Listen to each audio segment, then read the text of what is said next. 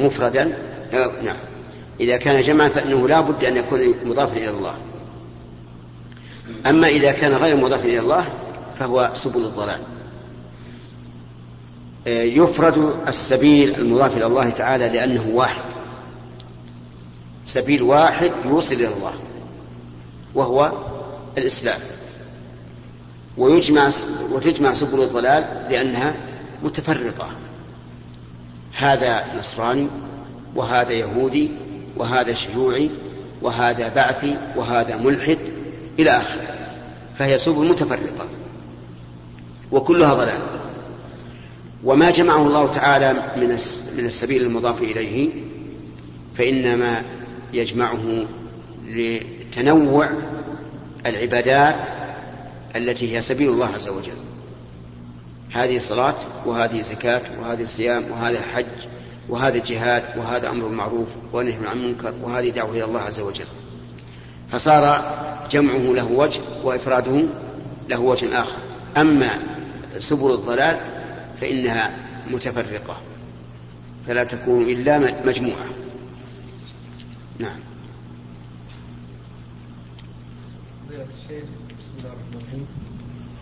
هناك بعض الناس يشترطون في يشترطون مؤخر الصداق. نعم. نعم. هناك بعض الناس يشترطون في مؤخر الصداق ولكن بشرط الطلاق أعد أعد. هناك بعض الناس يطلبون مؤخر الصداق ولكن بشرط الطلاق يعني إذا حصل الطلاق يدفع المؤخر. ما حكم؟ نعم. صيغة السؤال المفهومة المعلومة آه، أن بعض الناس يجعل الصداق شطرين شطرا مقدما عند العقد أو قبل العقد وشطرا آخر مؤجلا ويجعل أمد الأجل الفراق. ونحن نقول الصداق حق للمرأة.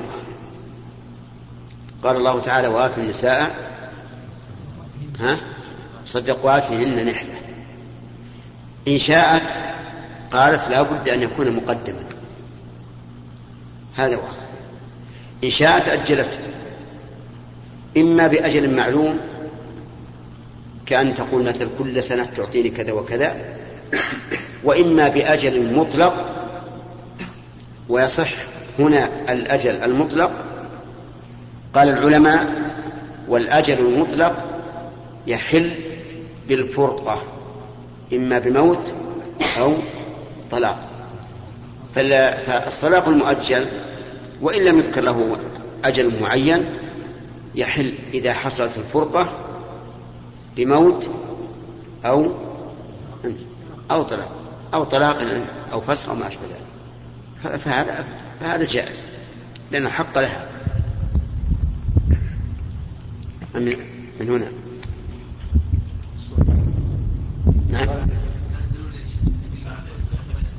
لا لا. شوف أنا أنا قال الإخوان اللي في اللي في عنيزة ما لهم حق هنا الحق لا. لا لا ابدا.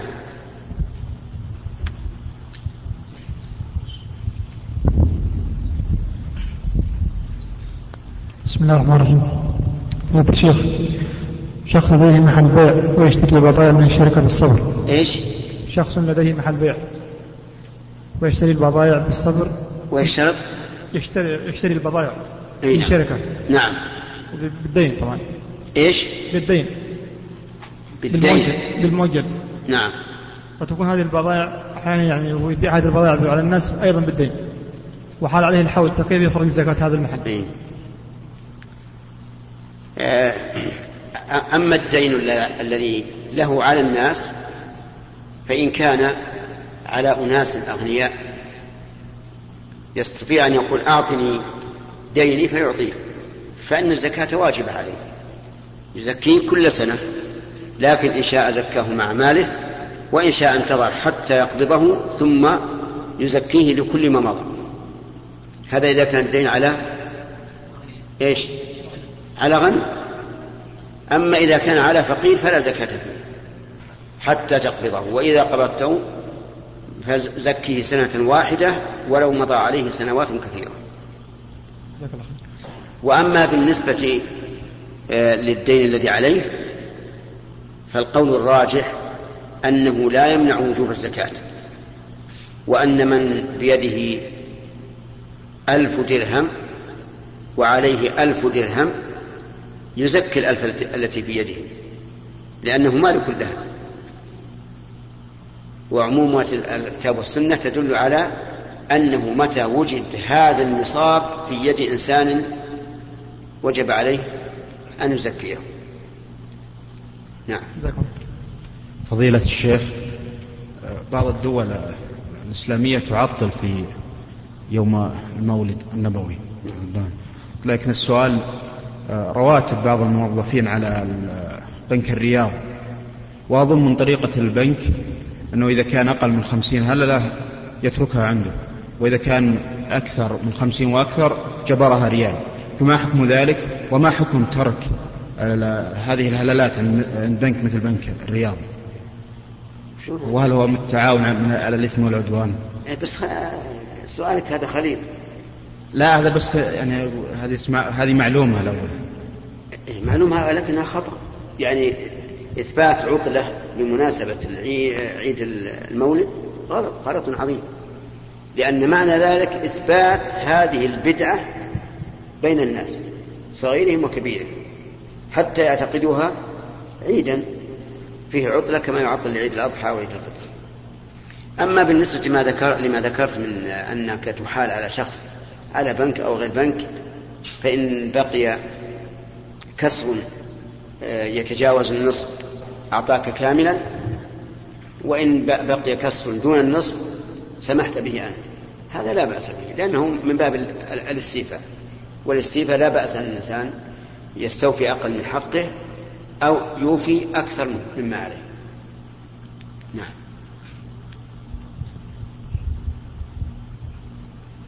بسم الله الرحمن الرحيم. فضيلة الشيخ حفظكم الله.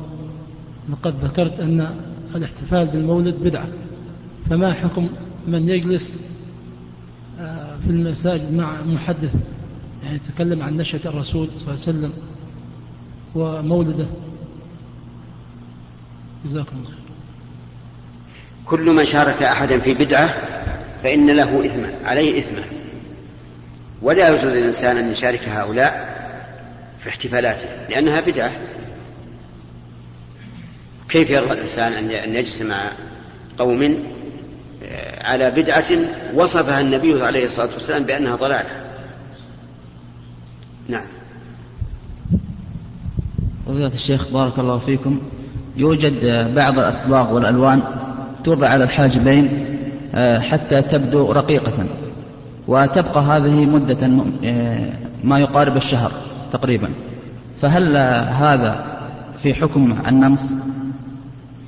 لا. يعني تلوين الشعر بغير بغير السواد لمن ابيض شعره لا بأس به. هذا هو الأصل. لأن الأصل أن أن غير العبادات هو هو الأصل في غير العبادات الحلم. وليس هذا من النقص. لكنه من ترقيق الشعر. كما أن بعض الناس يختار أن يكون شعره آه، جعدا ويطلي بما يقوي الشعر. الحاجبين يا شيخ بارك الله فيك. يرققها يضع بعض الألوان هنا ومن هنا حتى تبدو رقيقه لا يقص الشعر الحاجبين ولكن يضع هنا اي ما ما في بأس. البشرة. ما في بأس. ما في بأس. لكن الكلام على هل هذا جائز في حق الرجال أو لا؟ الرجل لا ينبغي له أن يتجمل بما تتجمل به المرأة. المرأة لا بأس. نعم. لا كل واحد بالدور. أقول يا شيخ لدي سؤال عن المولد ولكن أنا جيت تسمح لي بالاثنين؟ شبهة بالمولد. واحد واحد طيب. طيب إذا جعلوا أبناء الميت له صدقة إيش؟ إذا جعلوا إذا جعل أبناء الميت له صدقة جارية أو علم ينتفع به هل ينفع هذا الميت؟ وإن لم يوصي بهذا لعدم قدرته عليه؟ نعم إذا جعل أولياء الميت صدقة للميت نفعه. فإنه قد ثبت عن النبي صلى الله عليه وسلم أن سعد بن عبادة رضي الله عنه استأذنه آه، أن يجعل مخرافه في المدينة يعني نخله الذي يخرف صدقة لأمه فأذن له. وسأله رجل فقال يا رسول الله إن, أمي ابتلتت نفسها وأظنها لو تكلمت لتصدقت ابتلت نفسها يعني ماتت بغتة. وأظنها لو تكلمت لتصدقت أبا أتصدق عنها؟ قال نعم. فلا بأس. أما العلم النافع كيف يكون هذا؟ يمكن هذا بشراء الكتب. شراء الكتب ويجعلها صدقة لوالده فيكون علم نافع. نعم؟ لا هذه فيها نظر. لأن هذه ما, ما تستمر. نعم. سؤالين. مرسولة من عمان يعني. سؤالين مع بعض. لا واحد واحد. لا في ناس يسألون. تفضل واحد. يفضل الأهم منهما الأهم منهما شيخ السؤال يقول امرأة أرضعت بنتا وولد وهي أجنبية عنهما. وهما وهما من أمين مختلفتين. وعلى حسب تقديرها وهما؟ مختلفتين. من أمين مختلفتين. يعني هما من أمين مختلفتين يعني. أي نعم. آه وعلى حسب تقدير تقديرها أدت بأنها أرضعتهما رضعة واحدة. فهل يجوز الجمع بينهما في الزواج؟ نعم. آه، يجب أن نعلم أنه لا بد في الرضاع من خمس رضعات. ما دونها لا أثر له. فلو ارتضعت امرأتان آه، طفلتان من من امرأة مرة واحدة أو مرتين أو ثلاث مرات أو أربع مرات لم تكونا أختين. أفهمت؟ وعلى هذا فيجوز الجمع بينهما. بسم الله. بقي بعد وفاة أبي في منزله صور له مع بعض أفراد العائلة. إيش؟ إيش؟ بعد وفاة الوالد. نعم. بقيت بعض الصور اللي تخص صور الفوتوغرافية. نعم. مع بعض أفراد العائلة. نعم. وتلفزيون. نعم. هل إذا تركت يبقى في ذمته شيء علما أنه يكره هذه الأشياء؟ آه، يقول إنه آه، إن والده ترك صورا له مع العائلة آه، إما في أوراق وإما في شريط فيديو. فهل إذا أبقاها الورثة يلحق الميت شيء من إثمها مع أنه يكره ذلك. الجواب أما الميت فلا يلحقه شيء ما دام يكره ذلك. لكن يلحقهم هم. وأبلغهم أنه لا بد أن يحرقوها إحراقا تاما لأن بقاءها يجدد ذكر الميت والحزن عليه والذي ينبغي للإنسان أن ينسى المصيبة. نعم. آه الآن أنا فهمت أن أنها صورة تلفزيون الاثنين لا التلفزيون ما عليه منه ما دام كارها له لكن كيف لا يم... كيف لم يمنعه في حياته؟ ها؟ ان شاء الله إذا تعافيت يعني اذا تعافى يطلعه؟ لا هذا مسوف لا شك إنه إن عليه اثما منه نعم. من اليمين نعم. الله إليك. ما مدى صحة من يقول أنه يجوز لأي إنسان أن يأكل من ثمار مزرعة ما؟ أن؟ أن يأكل من ثمار مزرعة ما دون أن يستأذن من مالكها. محتجا بحديث جابر عند الإمام مسلم. ما من مسلم يغرس غرسا أو يزرع زرعا فيأكل منه إنسان ولا دابة ولا شيء إلا كانت له به صدقة. نعم. هذا الحديث الذي ذكرت هذا آه، فيه الترغيب في غرس النخل والزرع. أما بالنسبة لمن أكل فإن له الرخصة أن يأكل بفمه فقط غير متخذ خبنة بشرط أن لا يكون عليه حارس ولا حاجز. يعني لو مررت بنخل ما ليس عنده حارس وليس فيه حاجز من جدار أو شبك فلك أن تأكل بفمك فقط دون أن تتخذ خبنة إلا إذا علمنا أن صاحب هذا البستان بعينه لا يسمح مثل أن يكون قد كتب لوحا ممنوع الأكل. فهنا لا تأكل. أفهمت الآن؟ فصار الإنسان إذا مر ببستان عليه حاجز فلا يأكل. مر ببستان عليه حارس فلا يأكل. مر ببستان عليه لوحات مكتوب ممنوع الأكل لا يأكل. مر ببستان ليس عليه حاجز ولا فيه حارس ولا عليه لوحات منع فله أن يأكل. لكن يأكل بإيش؟ بفمه فقط دون أن يتخذ خبنة يعني ما يأخذ معه يأكل فقط بفمه لا بأس إذا علمنا رضاه لكن نقول إذا إذا علمنا رضاه فالحارس ليش؟ ها؟ حاجز؟ إيه لا بأس. لأنه ربما يضع الحاجز لئلا تدخل المواشي والإبل وما أشبه ذلك. المدار كله على الرضا رضا المالك. بعده يا شيخ بارك الله فيك. هذا الصوفية يتبعون خليفة عمر بن عبد العزيز؟ كيف؟ الصوفية نعم. الموجودين الآن. هل هم على منهج عمر بن عبد العزيز الخليفة؟ أبدا. أحد الإخوان يقول أن عمر بن عبد العزيز كان صوفي. لو يعطى الناس بدعواهم لادعى رجال دماء قوم وأموالهم. نقول هذا الدليل. ما هو صحيح؟ ما هو صحيح. أي نعم. وقل لهؤلاء أنتم بش تلبسون الصوف. كل من لبس الصوف هو صوفي؟ يقول كان قال واحد أنا هم صوفي. ثم الصوفية. لا ما بصحيح ثم الصو... نعم ثم الصوفية تطورت. يعني يوجد من السلف. من فيه تصوف لا شك. لكنها ليست الصوفية الغالية الآن. الآن الصوفية يعني تطورت إلى أن بلغت إلى القول بوحدة الوجود والعياذ بالله.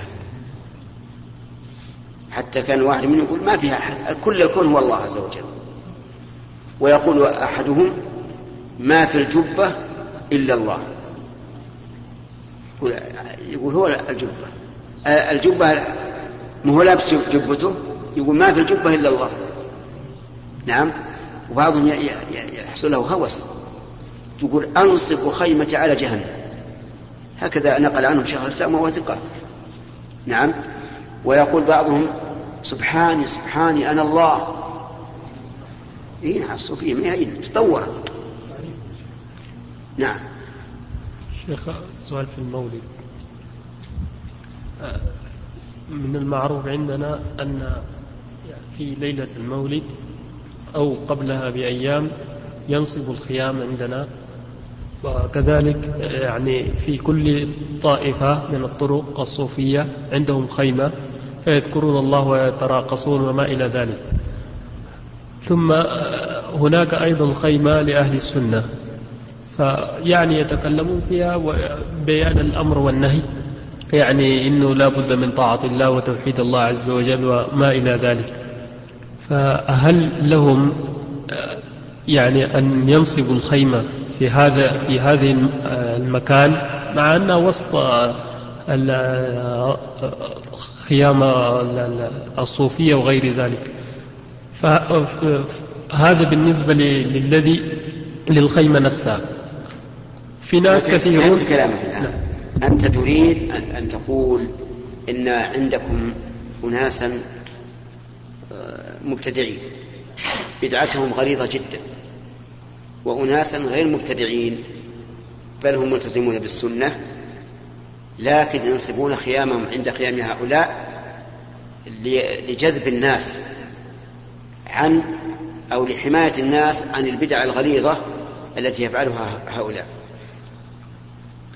فهذه المسألة يعني تجاذبها شيئان الشيء الأول بدعة. وهذا يقتضي أن تمنع وأنه لا يجوز لأهل السنة أن ينصبوا خياما لهذه البدعة. الثاني حماية عن بدعة أعظم. وحينئذ نقول لا بأس لأن صد الناس عما هو أعظم بما هو أخف من الأمور المطلوبة شرعا لقوله تعالى ولا تسبوا الذين يدعون من دون الله فيسبوا الله عدوا بغير علم.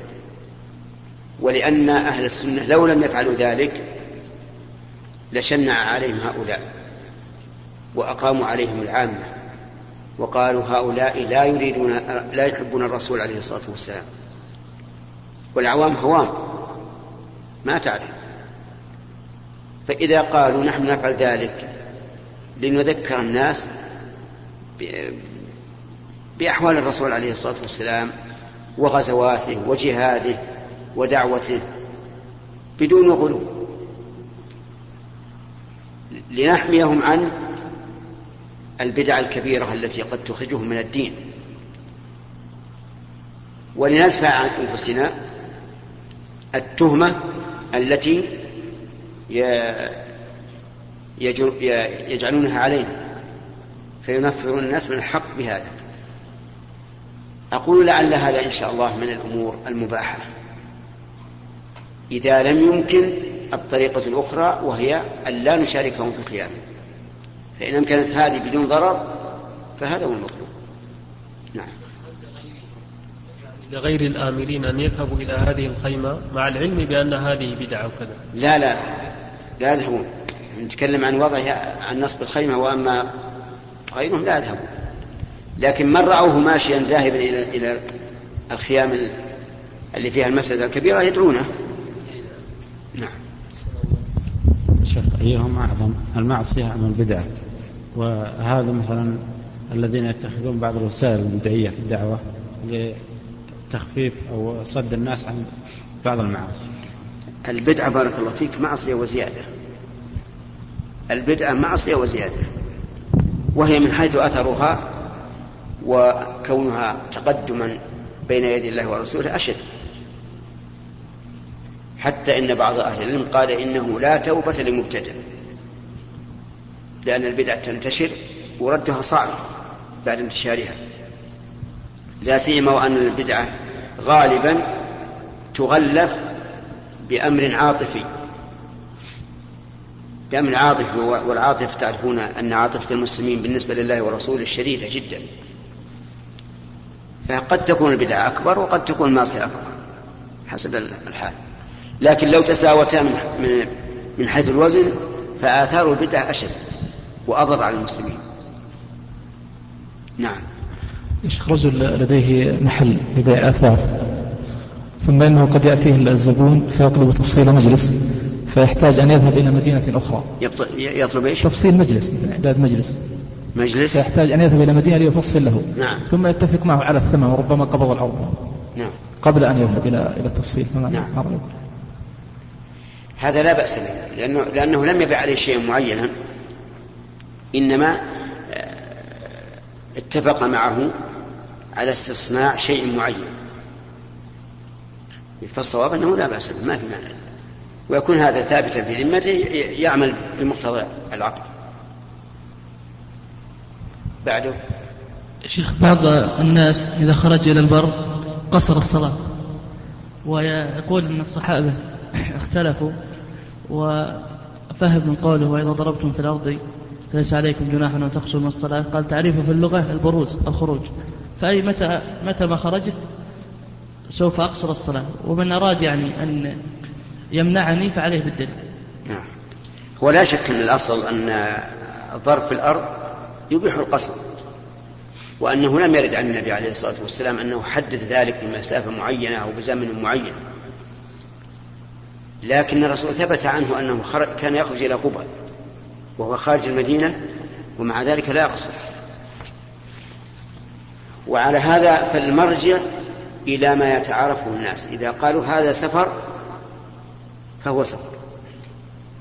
فيفرق الآن بين المسافة القصيرة مع الزمن القصير والمسافة الطويلة مع الزمن القصير والزمن القصير مع المسافة القصيرة.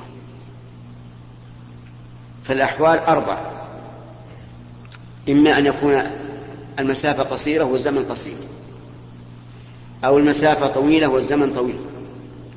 أو المسافة طويلة والزمن قصير. أو المسافة قصيرة والزمن طويل. إذا كانت المسافة قصيرة والزمن قصير فليس بسفر. يعني لو طال الإنسان يتمشى إلى ضواحي البلد ويريد أن يرجع في آخر النهار هذا غير مسافر. لا يسمى سفرا لا في اللغة ولا في الشرع. ودليلنا على هذا أن الرسول كان يخرج إلى قبى وهو منفصل عن المدينة عند الرسول بينهما مسافة. ويخرج أيضا إلى العوالي في المدينة ولا ولا يترخص برخص السفر. أما لو خرج إلى مسافة قصيرة لكنه يريد أن يبقى فيه مدة طويلة فهذا مسافر. ولو سافر إلى بلد إلى بلد بعيد ويريد أن يرجع في يومه كأن يسافر إلى الرياض من القصيم وهو يريد أن يرجع. فهذا مسافر وذلك لطول المسافة. فإذا صارت طول مسافة أو طول زمن أو طول مسافة وزمن فهو مسافر. وإذا كان قصر مسافة مع آه، قصر الزمن فهذا ليس بمسافر هذا الحال قصر المسافة مع قصر الزمن هذا ليس ليس بسفر يكون سفر نعم.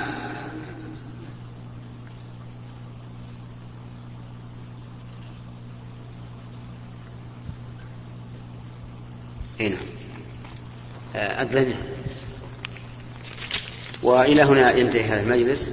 نسأل الله أن يعيننا وإياكم مع هذا الخير وإلى اللقاء القادم إن شاء الله.